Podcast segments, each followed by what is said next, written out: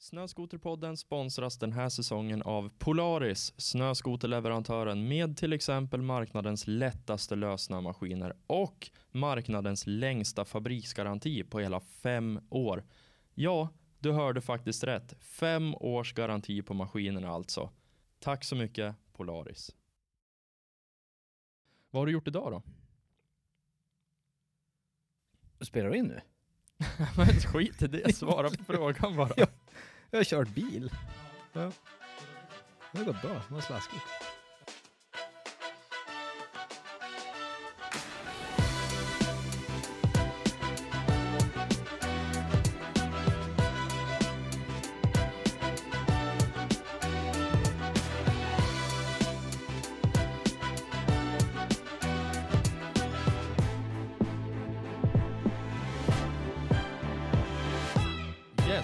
Skulle jag vilja hälsa dig som lyssnare hjärtligt välkommen till ett nytt avsnitt av Snöskoterpodden.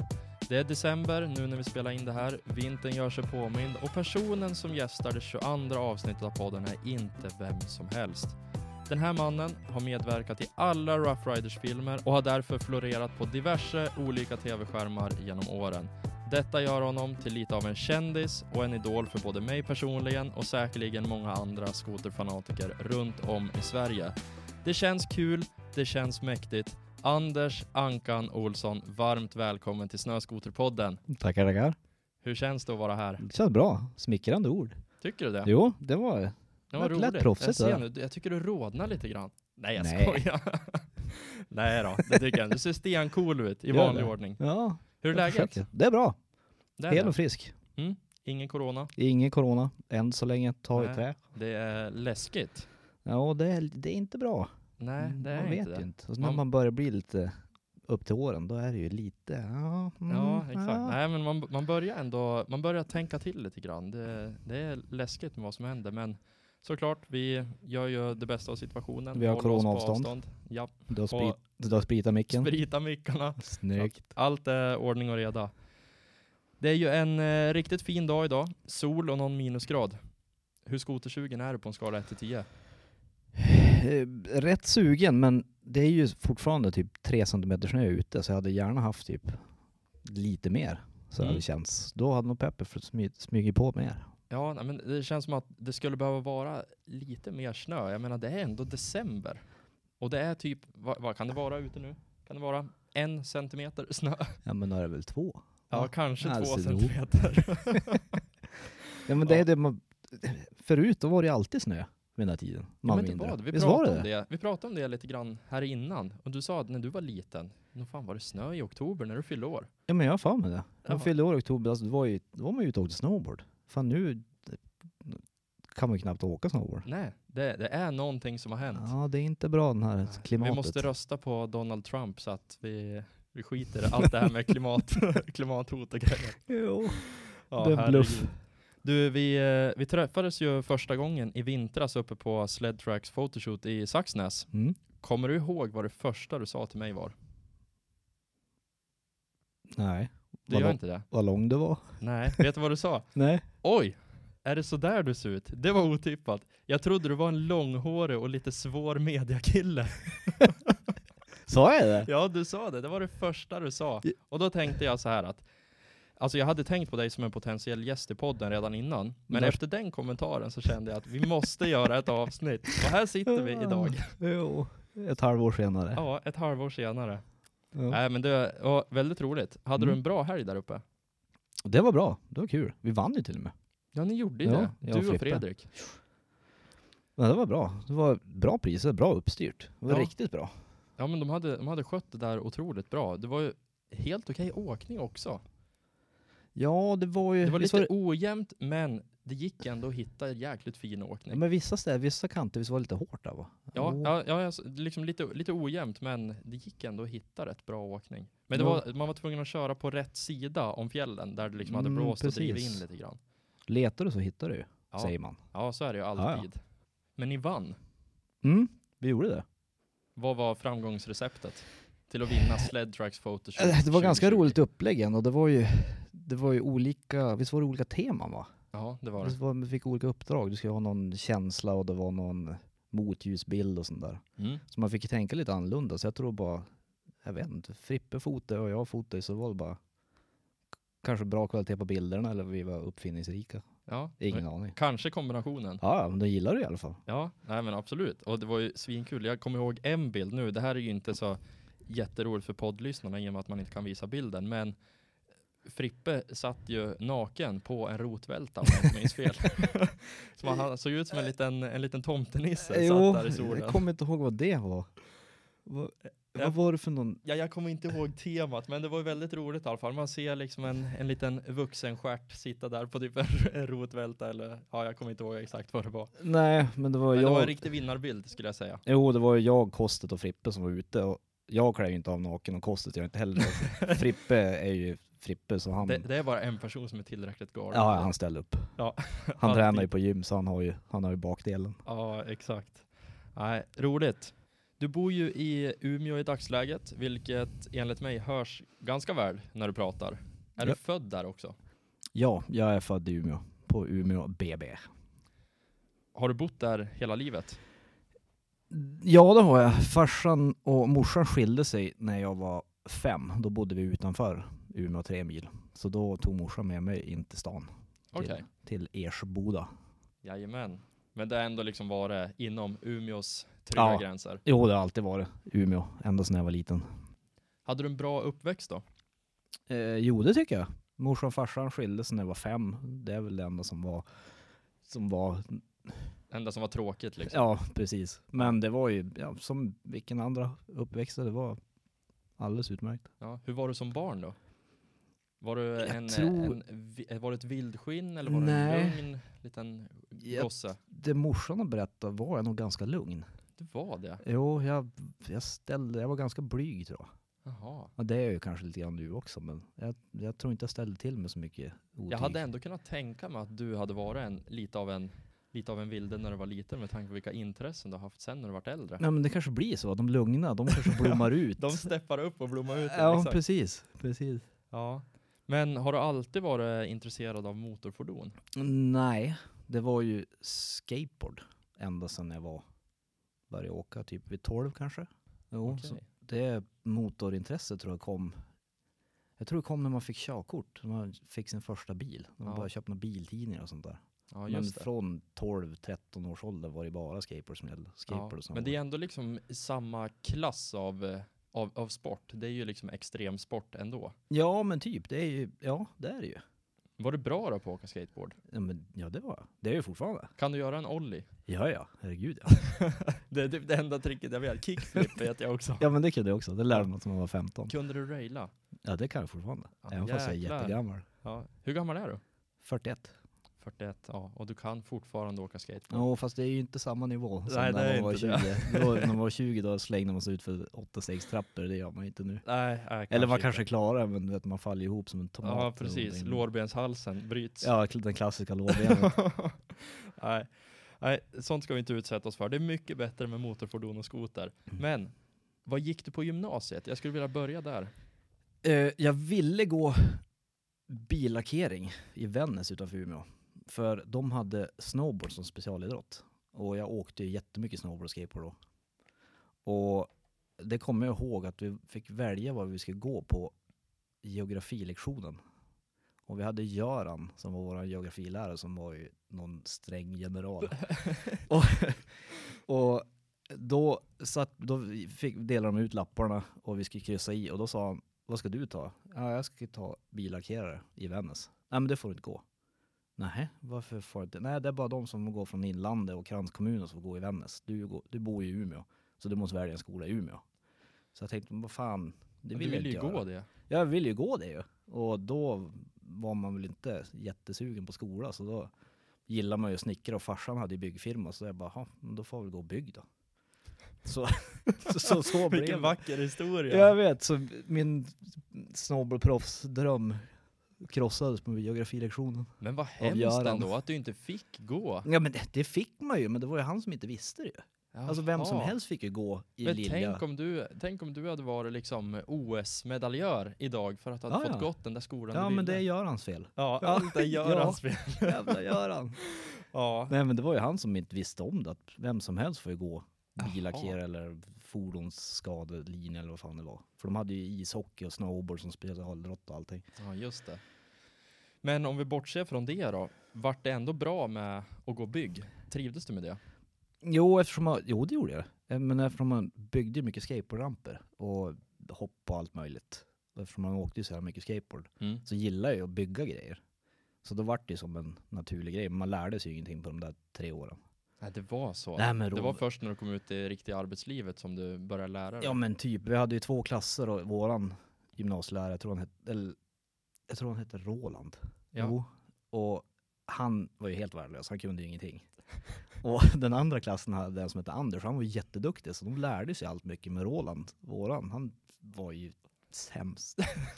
Så du fick, du, du, ham- du åkte på nitlotten där skulle man kunna säga. typ.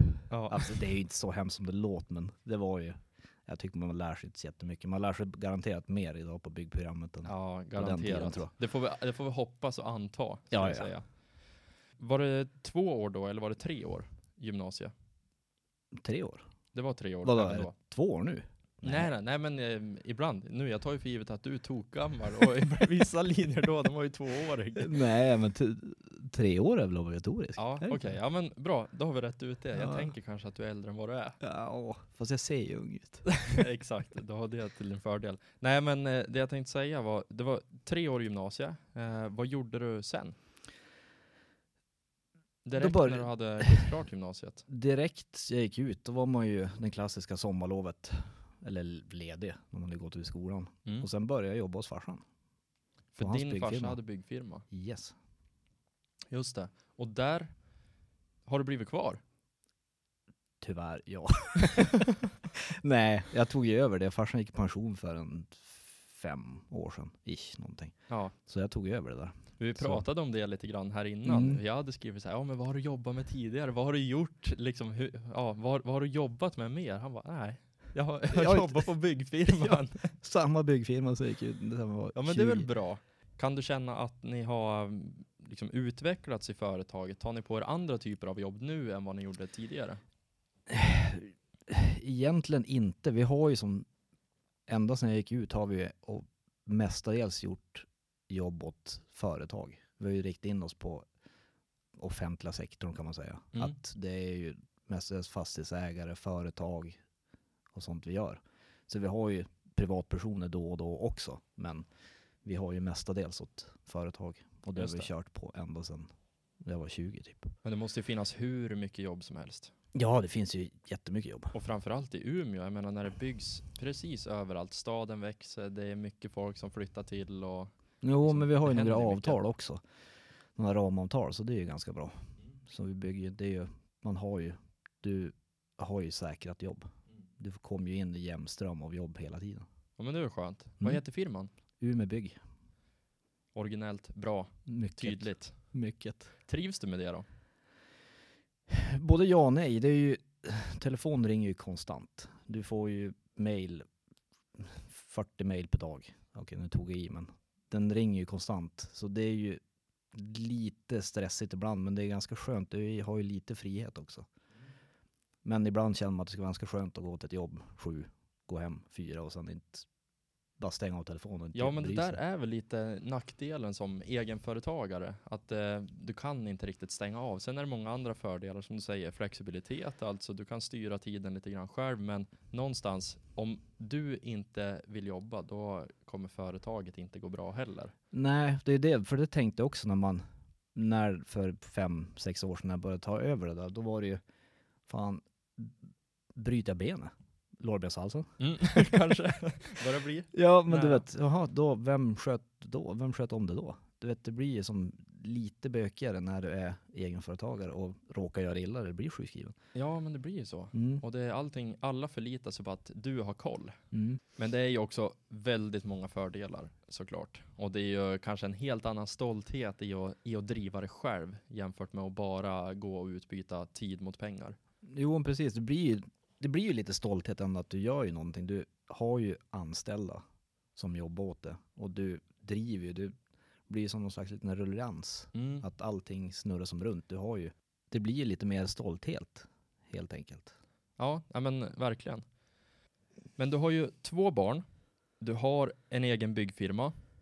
Min stora fråga är då, har du någon tid med skoterkörning överhuvudtaget? Svar nej. du har ingen tid. Jo, det har man. Men man får ju ta sig tid när, när det passar. Ja men det Vi blir har- väl lite så. Jo, vi har ju stuga uppe i fjällen också så alla kan ju komma upp, komma ut i, i naturen. Så då får man ju passa på med barnvakter och svärföräldrar och sånt där. Ja men exakt, det blir att man kan inkludera det i familjelivet. Exakt, ska vi fara upp till stugan morsan? Ja, Vill du vara barnvakt? ja. Men ni har stuga eh, strax utanför Hemavan. Mm, vi har stuga där. Vi är Aling, vi har stuga 200 meter från Aling. Alings familj. Så det är en nybyggd stuga för två, tre år sedan ungefär. Mm. Kul, hur trivs ni där uppe då? Jättebra. Jättebra skoteråkning. Ja, det måste ju vara underbart. Jag har varit själv i Hemavan, vad är det, två, två gånger tror jag att jag har varit i Hemavan. Mm.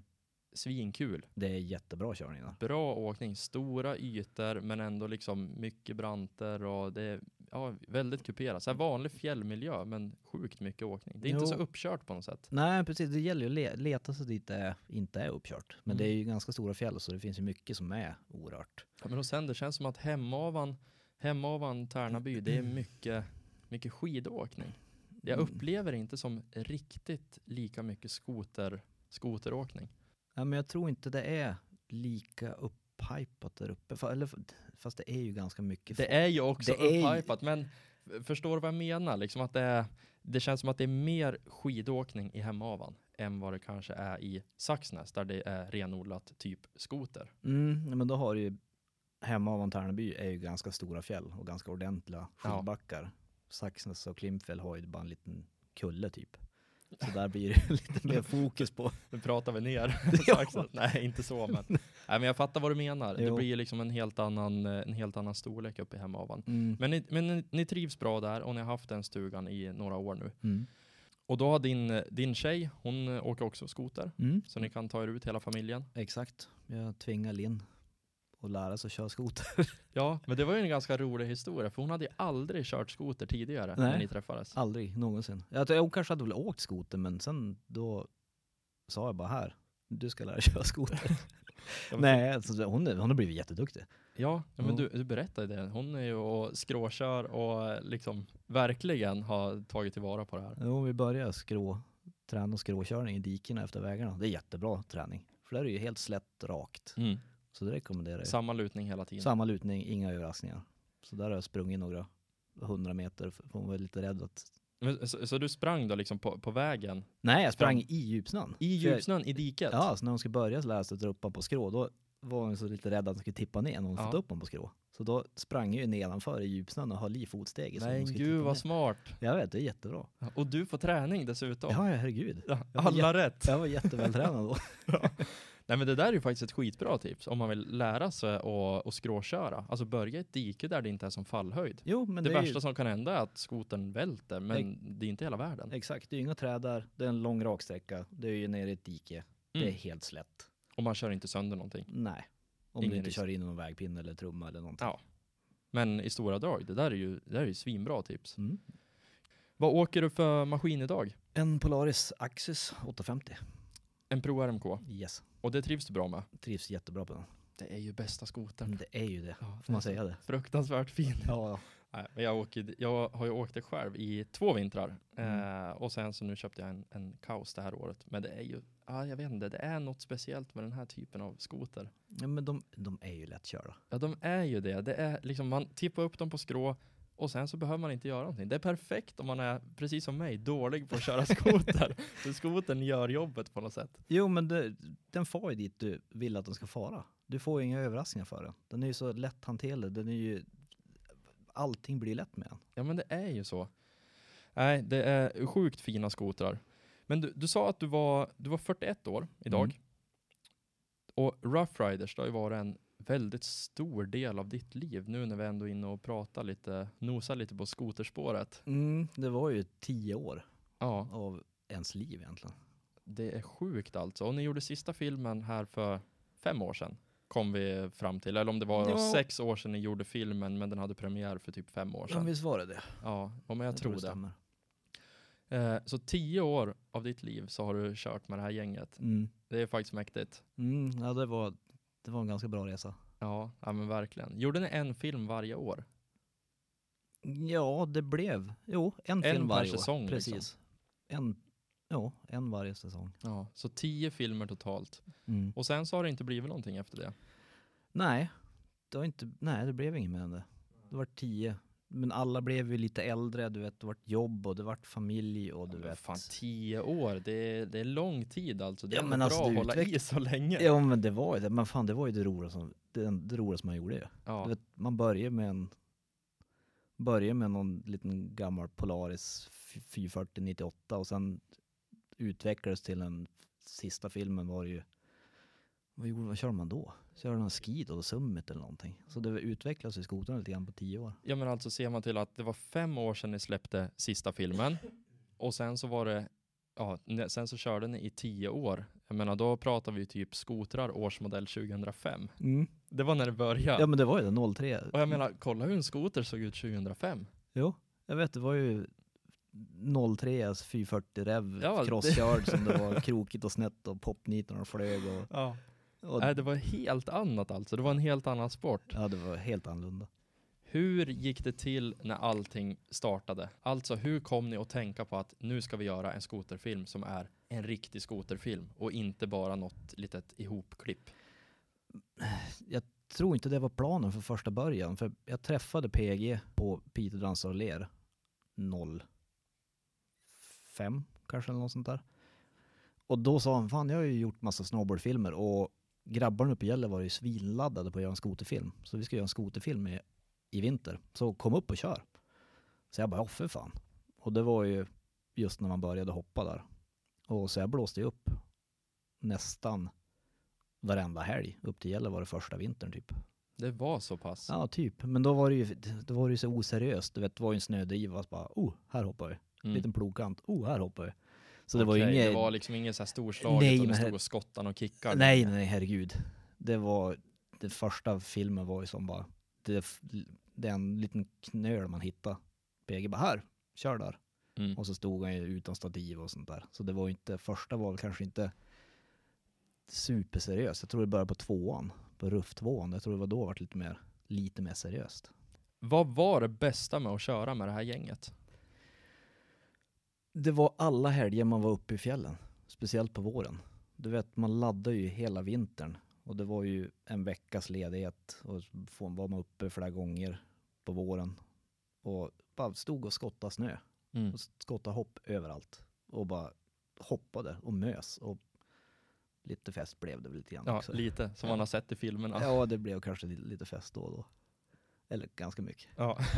Men det är ju kul. Det, är- Och det är ju liksom gemenskapen runt omkring. ja men det hörde ju som till. Mm. Det var ju stod och skyfflade och kickade på dagarna och så hoppa, skyffla i flera timmar för att få 15 sekunders flygtid. Mm. Och så vart det en afterski och en fest på kvällarna. Det är ju en, eh, det är en, en häftig sport på så sätt. Att det, liksom, eh, det är så mycket förberedelser runt omkring. Om man tänker liksom tiden bara du lägger i en bil, Mm. du ska boka en stuga, du ska handla mat, du ska tanka skotrar, du kanske ska panikskruva någonting. Alltså tiden runt omkring för att få de där kanske fem, sex timmarna mitt på dagen när du kör skoter. Det är en sjuk förberedelse. Jo, Det är en materialsport av rang. Ja, jo herregud ja.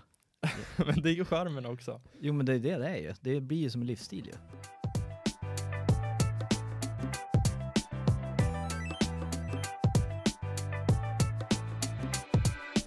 Vilken film var absolut roligast att spela in? Enligt dig? Eh, svår fråga. Nu är det ju några år sedan de spelades in. Men jag tror Ruff 3 Jag tror det var då vi var i Alaska en månad. Jag, Bodin och PG. Så jag tror nästan den, det var den roligaste tiden.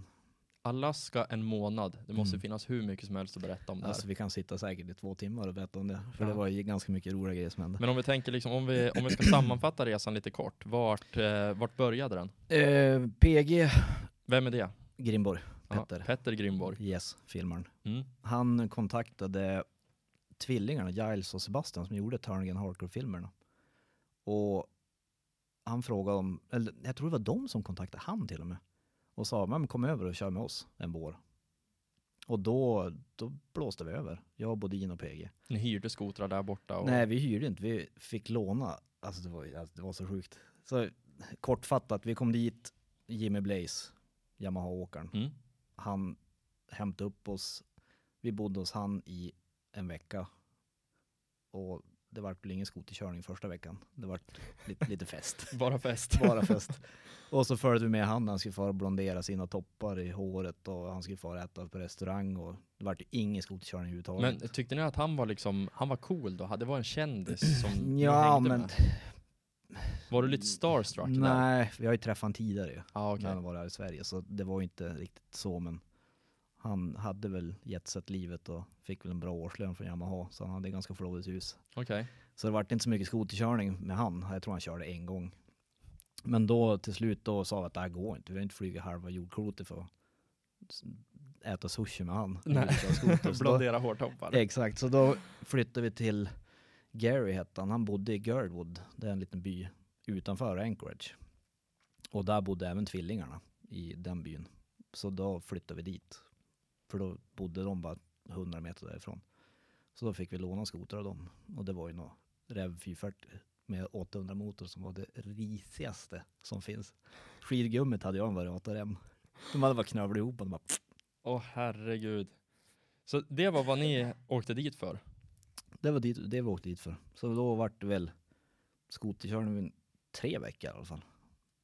Så det var, det var fan riktigt coolt. Ja. Men man trodde ju på filmerna, man såg bara fan vad de flyger högt alltså. Mm. Alltså de laddar ju på. ja, det ser ju så ut i alla fall. Ja men det är det som är grejen, de har ju så mycket, an, deras berg är ju som annorlunda än för våra. Våra är ju platta. De har ju typ bergstoppar som Mm. har ju jättebranta landningar. Så när de filmar så ser det ju ut som att de, okej de flyger mycket men vi flög ju lika mycket som de, om inte mer. Mm. Men det blir kanske längre, alltså man, man hoppar längre i Sverige.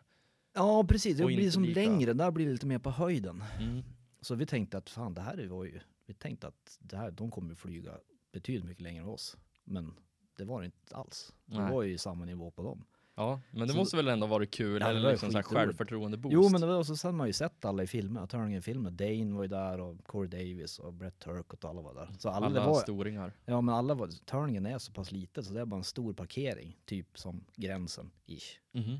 Och så kör man bara in i en dalgång och så är det som tre stycken bowlar som är Turningen Pass. En liten rolig grej som hände, det var när vi satt på och chillade och drack lite vatten och fikade. Då var Dane där. Och det var en vinddriva som var 1,20 hög kanske. Alltså någonting som du bara hoppar. Okej. Ja men du hoppar typ Ja men man gör ett litet skutt bara. ett litet skutt på 8 meter. Mm. Då satt vi där och ja, men de får hoppa där, körde Dane och så var det någon till som bara småfladdrar på där. Och så ser vi, då kommer Dane in och försöker flippa den där. Och du vet, hans skoter var väl en och en halv meter upp och ner ovanför snön. Och så landade han bara upp och ner. Och så bara kravlade sig ur och bara... Och så tippade han upp skotern och så for, for han vidare. Jag bara, så, Ja, det var ju helt omöjligt. Ja, det det är helt omöjligt. Det alltså finns inte. fysiskt, det går ju inte. Nej, det går inte. Kanske med typ en BMX eller någonting hade Ja. men, men Hur tänkte han då? Jag vet inte, men det var Dane. Du vet, han var ju så... Han var kanske- helt galen Ja, ja, han var helt tokig. Det var helt sjukt. Och ni andra, ni skulle aldrig ens ha provat det där. Nej men alltså, du, du hopp, småhoppar en liten driva och du hoppar kanske åtta meter på längden, max. Mm. Då är det ju en och en halv meter upp Ja. på sin höjd. Och där försökte han flippa från ingenstans. Jag bara, alltså, vad är det med människan? Folk är ju Ja, alltså, jag helt, fattar inte. ja, helt sjukt. Men var, var det något annat kul som hände på den där resan? Eh, För ni var ju där en, en hel månad och då tänker jag liksom, ja, första veckan fest.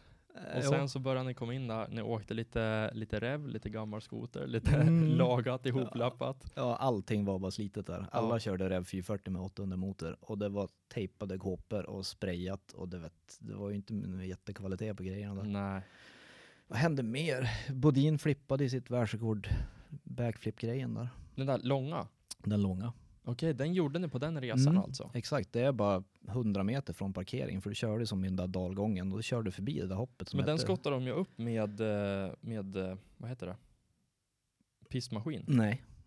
De gjorde inte det? Nej, det var handskottat. Okej. Så de, det är som en typ perfekt knöl som de skottar varje år. För det är som alla kör så förbi han från hem, upp och ner från dalen. Så då skottade vi den där. Och sen provade han ju en dag när det var mulet. Men då nosade han ju rätt in i landningen. Mm. Och sen bestämde vi att vi väntade bättre väder.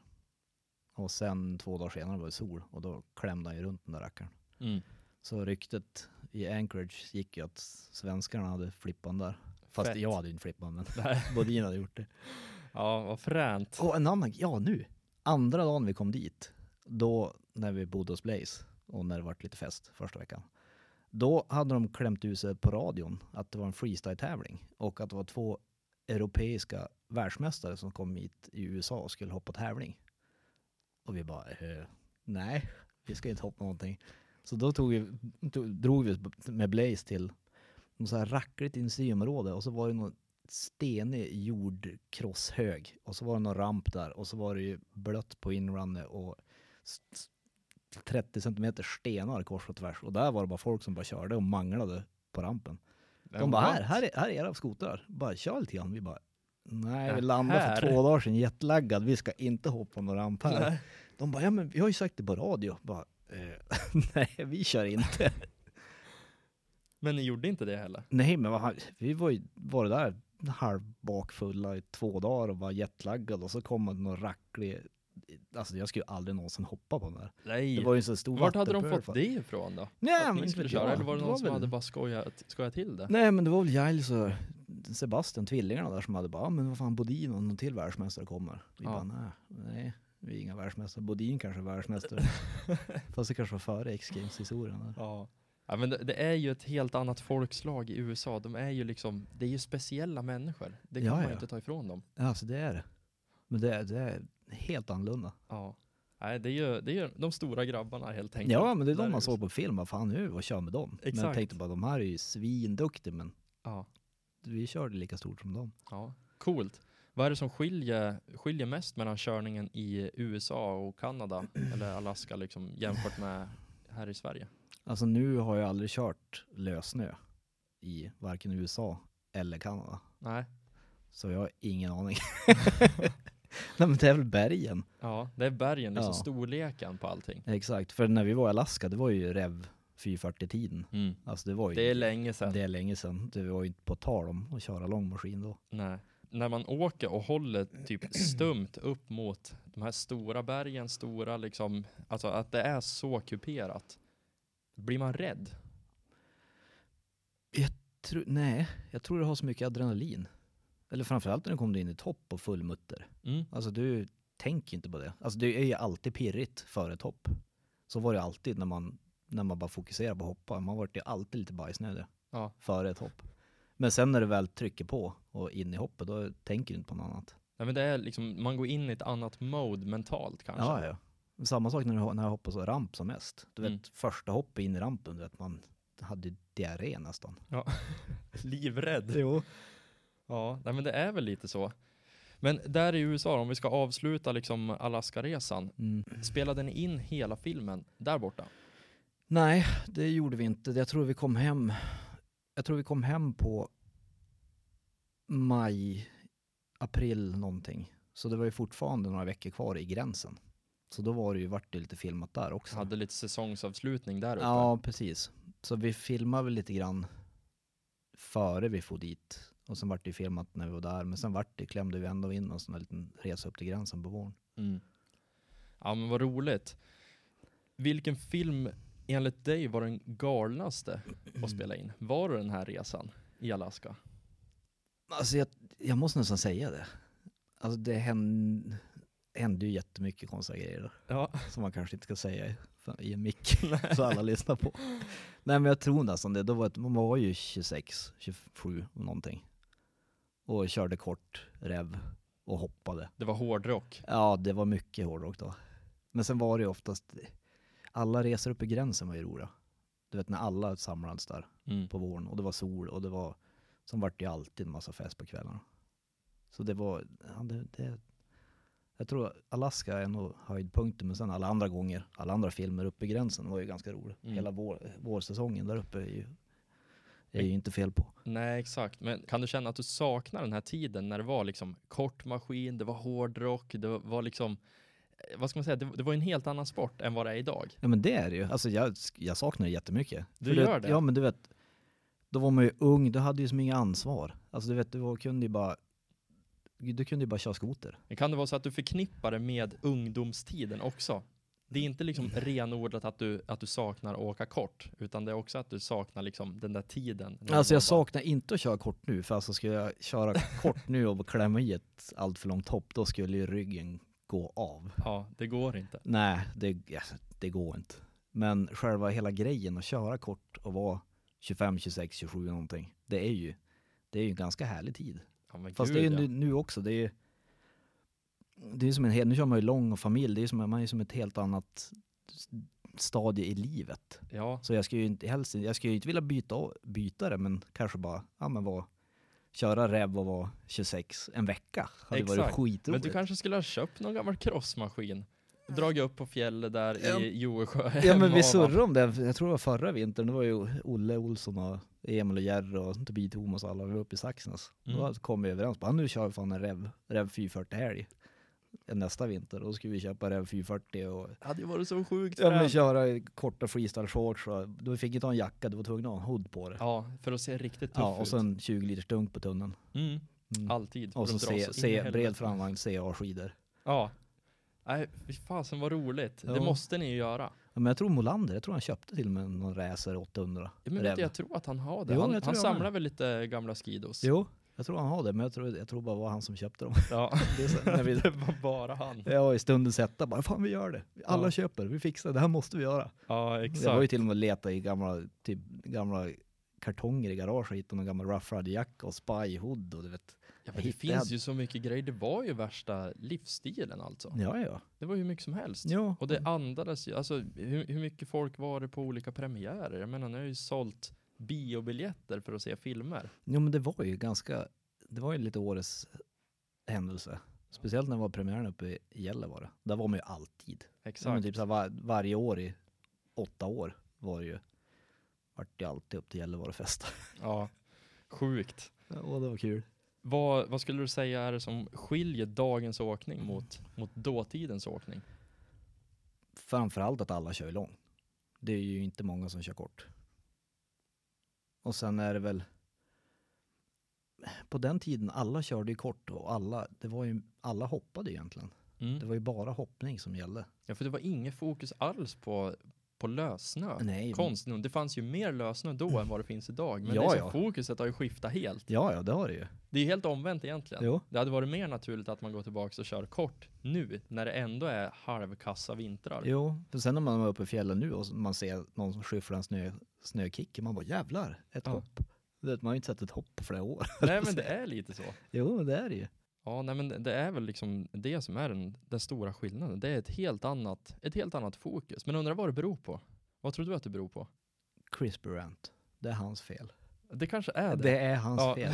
Det är väl han som började... klagbrev till honom. Jo, men det var väl han som började med, eller inte började med det, men det var väl han som Ja men han är drog lite... igång lite hopovers och in i skogen och teknisk åkning och sånt där. Ja men för kommer du ihåg de gamla, eh, inte Rough Riders vad säger jag, de gamla Slednex-filmerna? Ja, Eh, då var det ju oftast, de hade ju som sina segment i filmen, Mm. varje åkare hade sitt segment. Och då var det ju, det var ju typ bara Chris Brandt som körde faktiskt lösnö och sen så var det Kalle Johansson eh, i vissa Ja. filmer som liksom körde långa backcountry hopp.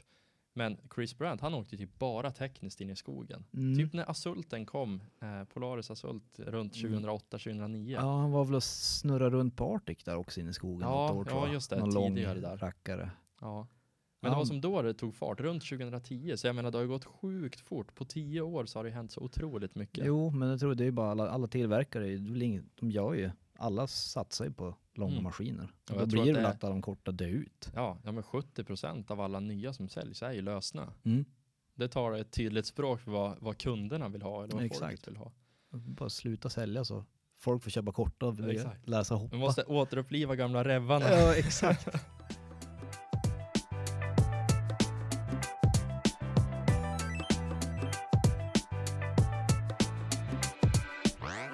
säga att det var bättre förr? både ja och nej. Det, jag ska ju inte byta ut vart jag är nu med familj och hus och lång maskin och allting. Men som jag sa, det är ju, det har ju sin charm också att köra kort. Oh ja, Det det, är det. ju mer rock'n'roll. Ja men det, är ju det. Och kunna ifrån. drick, det- fara och köra lite skoter och så drick några bärs utan att bli bakis. Ja, Och så upp och köra dagen efter igen. exakt. Och du har ju kört skoter i stort sett överallt i Sverige i alla fall. Det skulle man väl ändå kunna säga. Ja, typ. Typ. typ. Vart hittar man bästa åkningen enligt dig? Jormvattnet är ju ganska bra. Men det är många som säger det. Jag har Mm, aldrig det provat är- det själv. Det är ju bra, men jag vet inte, jag har inte varit där på något, två, två år nu någonting, så jag vet inte hur uppkört det är där. Vad är det som är, vad är, det som är liksom karaktäristiskt med Jormvattnet? Ravinerna. De har ju raviner som går upp från sjön. Jag vet inte hur många det är, fyra, fem Okej. stycken kanske. Så det är brant och mycket yta. Ja, och sen är det ju, det har ju mycket, det har ju mycket granskog där också. Och Mm. även fjällbjörkar. Så det är en liten mix, mix där. Så du har ju öppna fjäll och kuperat längst där uppe och sen har du lite granskog där nere. Så det är ju mycket. Jag tror nästan Jorm är, Jorm är the shit. mm, fast ja, det, det finns, ja, det finns massa andra ställen som är ganska bra. Ser man pannan rynka sig Jag på det. Arvidsjaur är ganska bra. Ja. Där finns det mycket fin gammal skog också. Riksgränsen är ju alltid riksgränsen. ja, men där är det ju liksom, puder är ju en färskvara där uppe. Ja, det, du vill väl inte spendera försäsongen där uppe? Nej. Nej men och sen det kan vara så olika. Det kan ju räcka med att det kommer, inte vet jag, lite regn från ingenstans och sen helt plötsligt då har du en isskorpa som är två decimeter tjock. Mm, eller så kan precis. det vara bottenlöst med puder eller så kan det vara liksom slask på våren. Det är så Mm. sjukt olika. Sen har man ju 80 mil upp också så man Ja. vill ju inte fara dit Ja, jätteofta. det är typ 100 härifrån. Ja. Så att, Alltså, och 100 mil och enkel väg. Ja. Nej, det, det är lite för långt. Jo, Det är det, Det- tyvärr. Då vill du gärna ha li, lite zon när du kommer fram. Ja men absolut. Ja, men Jorm, det ska vi lägga på minnet. Mm, Dit Jorm delad första plats med Arvidsjaur. Skogarna runt omkring där. Där Kul. Du fotar ju rätt mycket också. Hur Mm. fick du upp intresse för det? Eh, det för du nå- heter ju till och med Ankan Foto på Instagram, ska vi säga. Eh, det var Rickard, en kille som hade ett sk- skateboardmärke i Umeå, som fotade. Han hade ju blixtar och kamera och allt möjligt. Och det var på den vägen, för då tycker jag det blev så fruktansvärt coola bilder. Och det kommer jag ihåg, jag tror jag köpte min första kamera av han typ 06, 05 någonting. Så på den vägen är det. Så Mm. att jag köpte min första kamera av han och sen köpte jag några blixtar och sen vart det bara mer och mer. Men det är ju fortfarande bara en hobby så det är, Ja, men är det inte lite stök i skotersammanhang när man ska ut med, ut med kamera och sådär? Ja det är jättebökigt. Ja men det är kallt, du har ingen Ja. riktig, ingen tunnelväska där du riktigt kan klämma ner Ja, allt det är du jättebökigt. Och så är det blixtar om man ska ha det. Då får man måste man ställa en där och så måste man köra runt i en liten cirkel för att inte förstöra spåren och ställa en till blixt där. Och det är Ja för du vill, ju, du vill ju ha den där orörda puderbilden Ja, du, du vill ju inte promenera mitt över bilden. Nej, Det exakt. förstör det allting. Alltså det är lite planering. Jo, det är det. Men det är kul. Men det händer ju ofta att man tar med sig kameran. Alltså det har hänt alltså så många gånger. Att man har med sig tung kamera ryggen på ryggen och så kör man en hel dag. Men man tar inte ens fram den för det är så roligt man att köra. orkar inte. Nej, det är så roligt, det är så bra körning. Så då har man en tung ryggsäck på hela dagen. Helt Det där är onödigt. nackdelen, men då kan man väl få lite ångest också i efterhand när du bara "Fy fasen att jag inte tog ut kameran och filmade det här. Det här var ju typ bästa dagen ever. Ja, fast jag, det spelar som ingen roll för mig om jag inte får någon bild eller någonting. Det, det gör inte mig någonting. Men det är ändå en bra inställning. Jo, men det är, alltså det är inte viktigt för mig att få en, måste få en bra bild eller någonting för att lägga upp. Det skiter jag fullständigt i. Utan jag fotar ju bara mer för kul. Att få en bra bild så skickar det till Arling eller Frippe eller vem man fotar. Jag kan nog tycka att det där tankesättet borde fler ta efter och liksom njuta mer. Skit i Ja, men jag tror det. det blir, Instagramflöden ja, precis. Det har blivit så, in, det har blivit så seriöst. Ja men det är liksom det är mer fokus i dagsläget på att du ska få en, en bra bild till din Instagram Ja. än att faktiskt ha en riktigt bra dag tillsammans. Exakt. Det, det blir vart är glädjen? Ja, exakt. Nej men det där, det, där, det där köper jag helt. Jo, man ska inte ta det så seriöst. Nej. Nej men det är bra. Har du hjälpfilmat någonting i Rough Riders? Jag menar, du har ju ändå lite fotokunskap och det, du vart ju intresserad av foto där när, i sin linda när ni började med Rough Riders. Mm, jag hjälpte ju PG. PG skickade ju upp något år någon kamera. Så då hjälpte jag till att filma någonting. Men jag har ju som aldrig riktigt var, tyckte det var så roligt att filma. Det är det. Foto är ju så mycket enklare. Du kan ju fuska till det så mycket enkelt. Mm. Du vet, du kan ju, du kan ju vinkla kameran så ser det jättebrant ut, du kan en pudersväng och så tar du en bild och så bara wow, cool bild. Men sen filmar du skiten. Ja, då ser Bara, det mesigt ut istället. Gud vad töntigt det såg ut. Ja.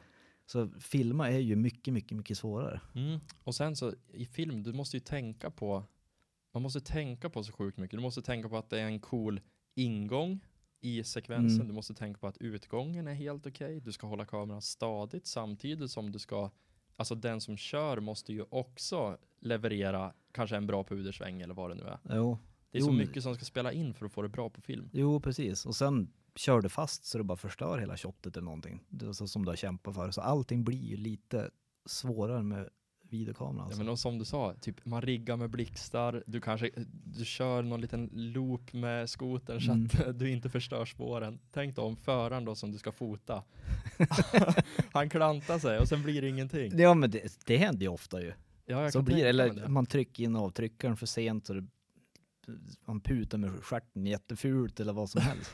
så det är mycket som kan ställa till det. Det är det ju absolut. Ja, jag förstår det. Men du har, du har hjälpfilmat lite grann, men Mm, ändå lite inte grann, så men- mycket. Nej, det var inget seriöst eller någonting sånt. Du skulle inte se dig själv som en, som en filmare. Nej, herregud nej. Nej, nej, nej. Jag, jag vänder som att ställa in vitbalansen.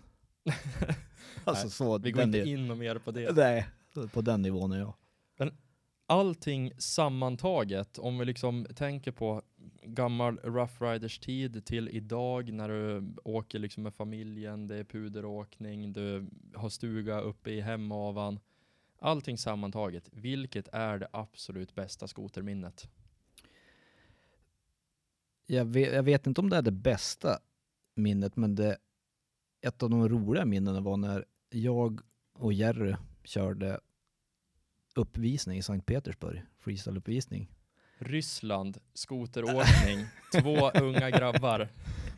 Jo, vi var inbjudna dit och köra en show på någon crosstävling. Eh, flög dit, vart hämtad av någon halvskabbig taxibil. Körde igenom ett jätterisigt bostadsområde och där var det murar runt ett lyxhotell med vaktkur och hela kittet. Ja, för det fem- där kännetecknar verkligen Ryssland, att det är sådana skillnader. Ja, det var ju typ bara ett ruckel, skjul runt omkring och sen bara plötsligt murar och ett fyrstjärnigt hotell. Mm. Så där ska vi köra uppvisning och då hade vi fått låna två stycken rebbar av Julia hette hon. Som hade hand om oss. Och då stod de där på parkeringen där de höll på att fixa till landningen och det var en crossbana, det var så, ja men typ parkeringen.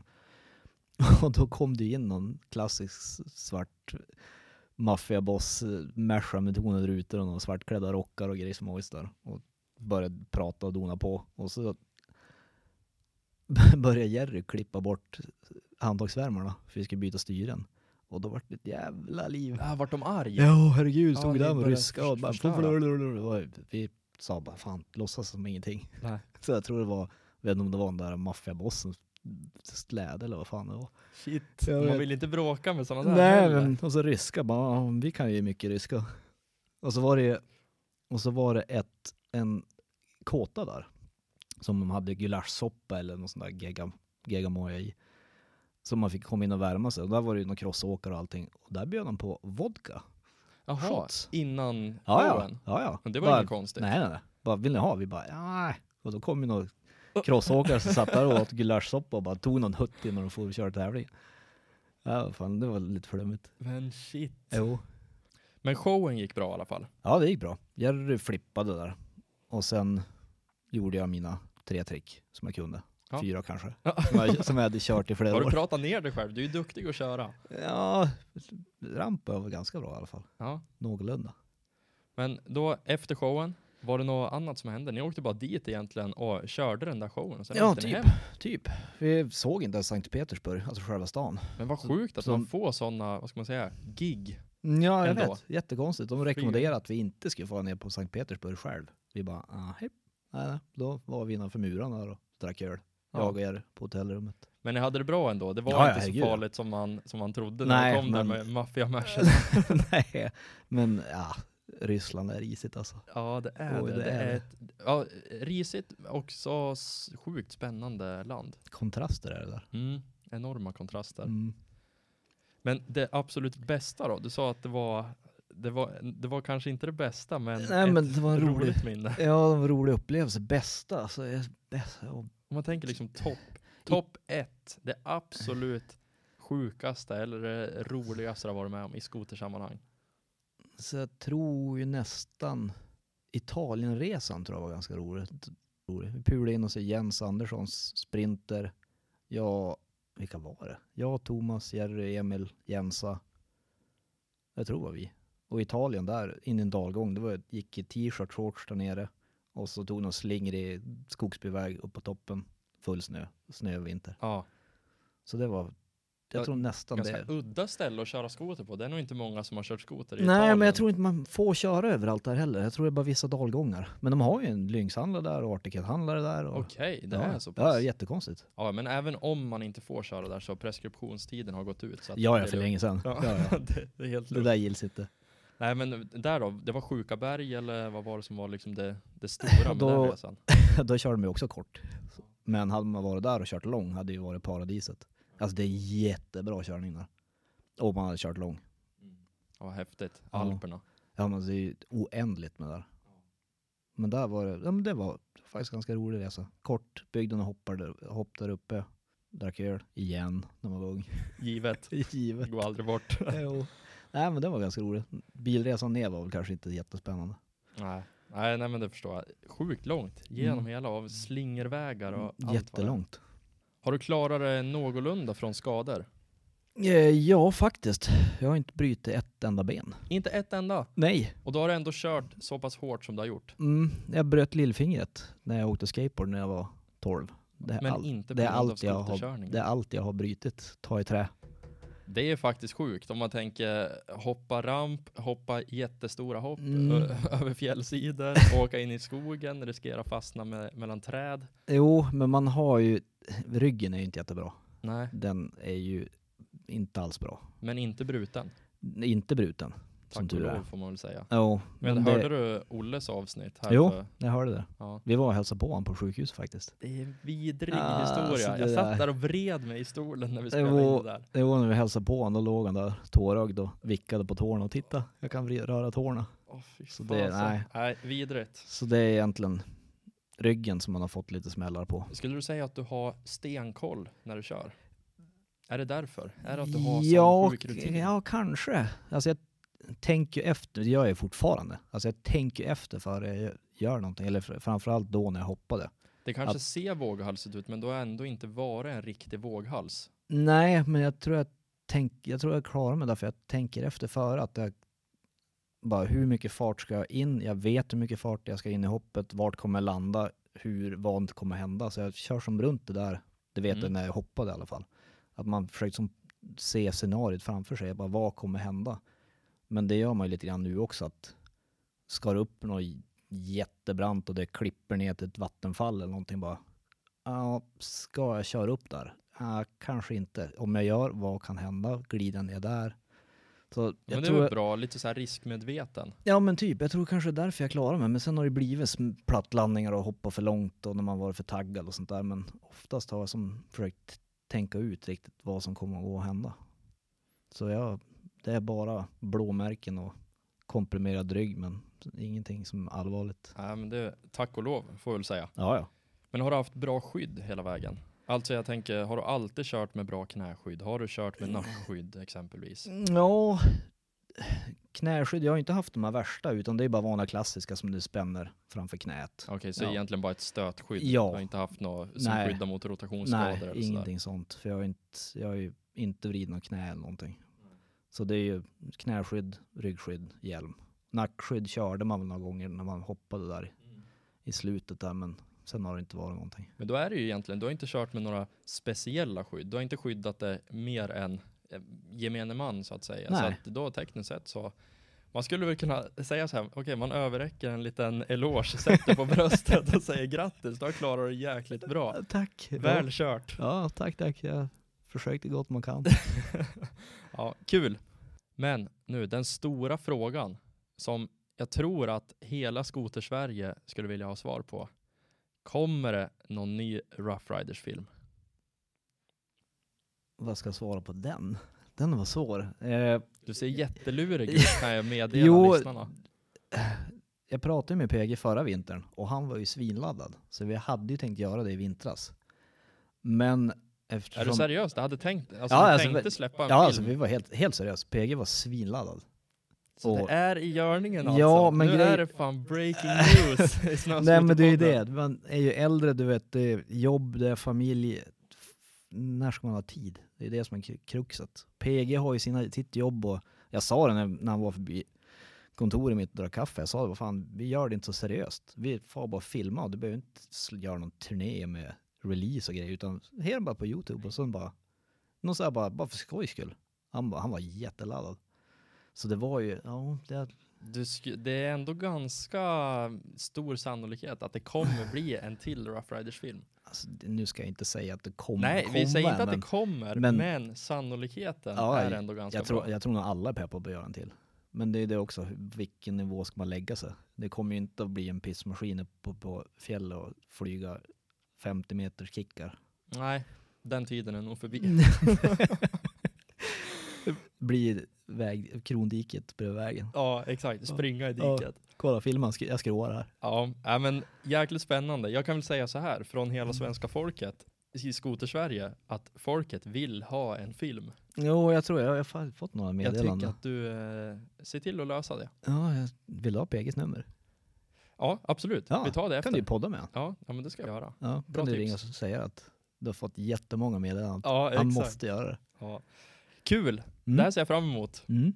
Du eh, Anders, det börjar bli dags att avsluta avsnittet. Redan?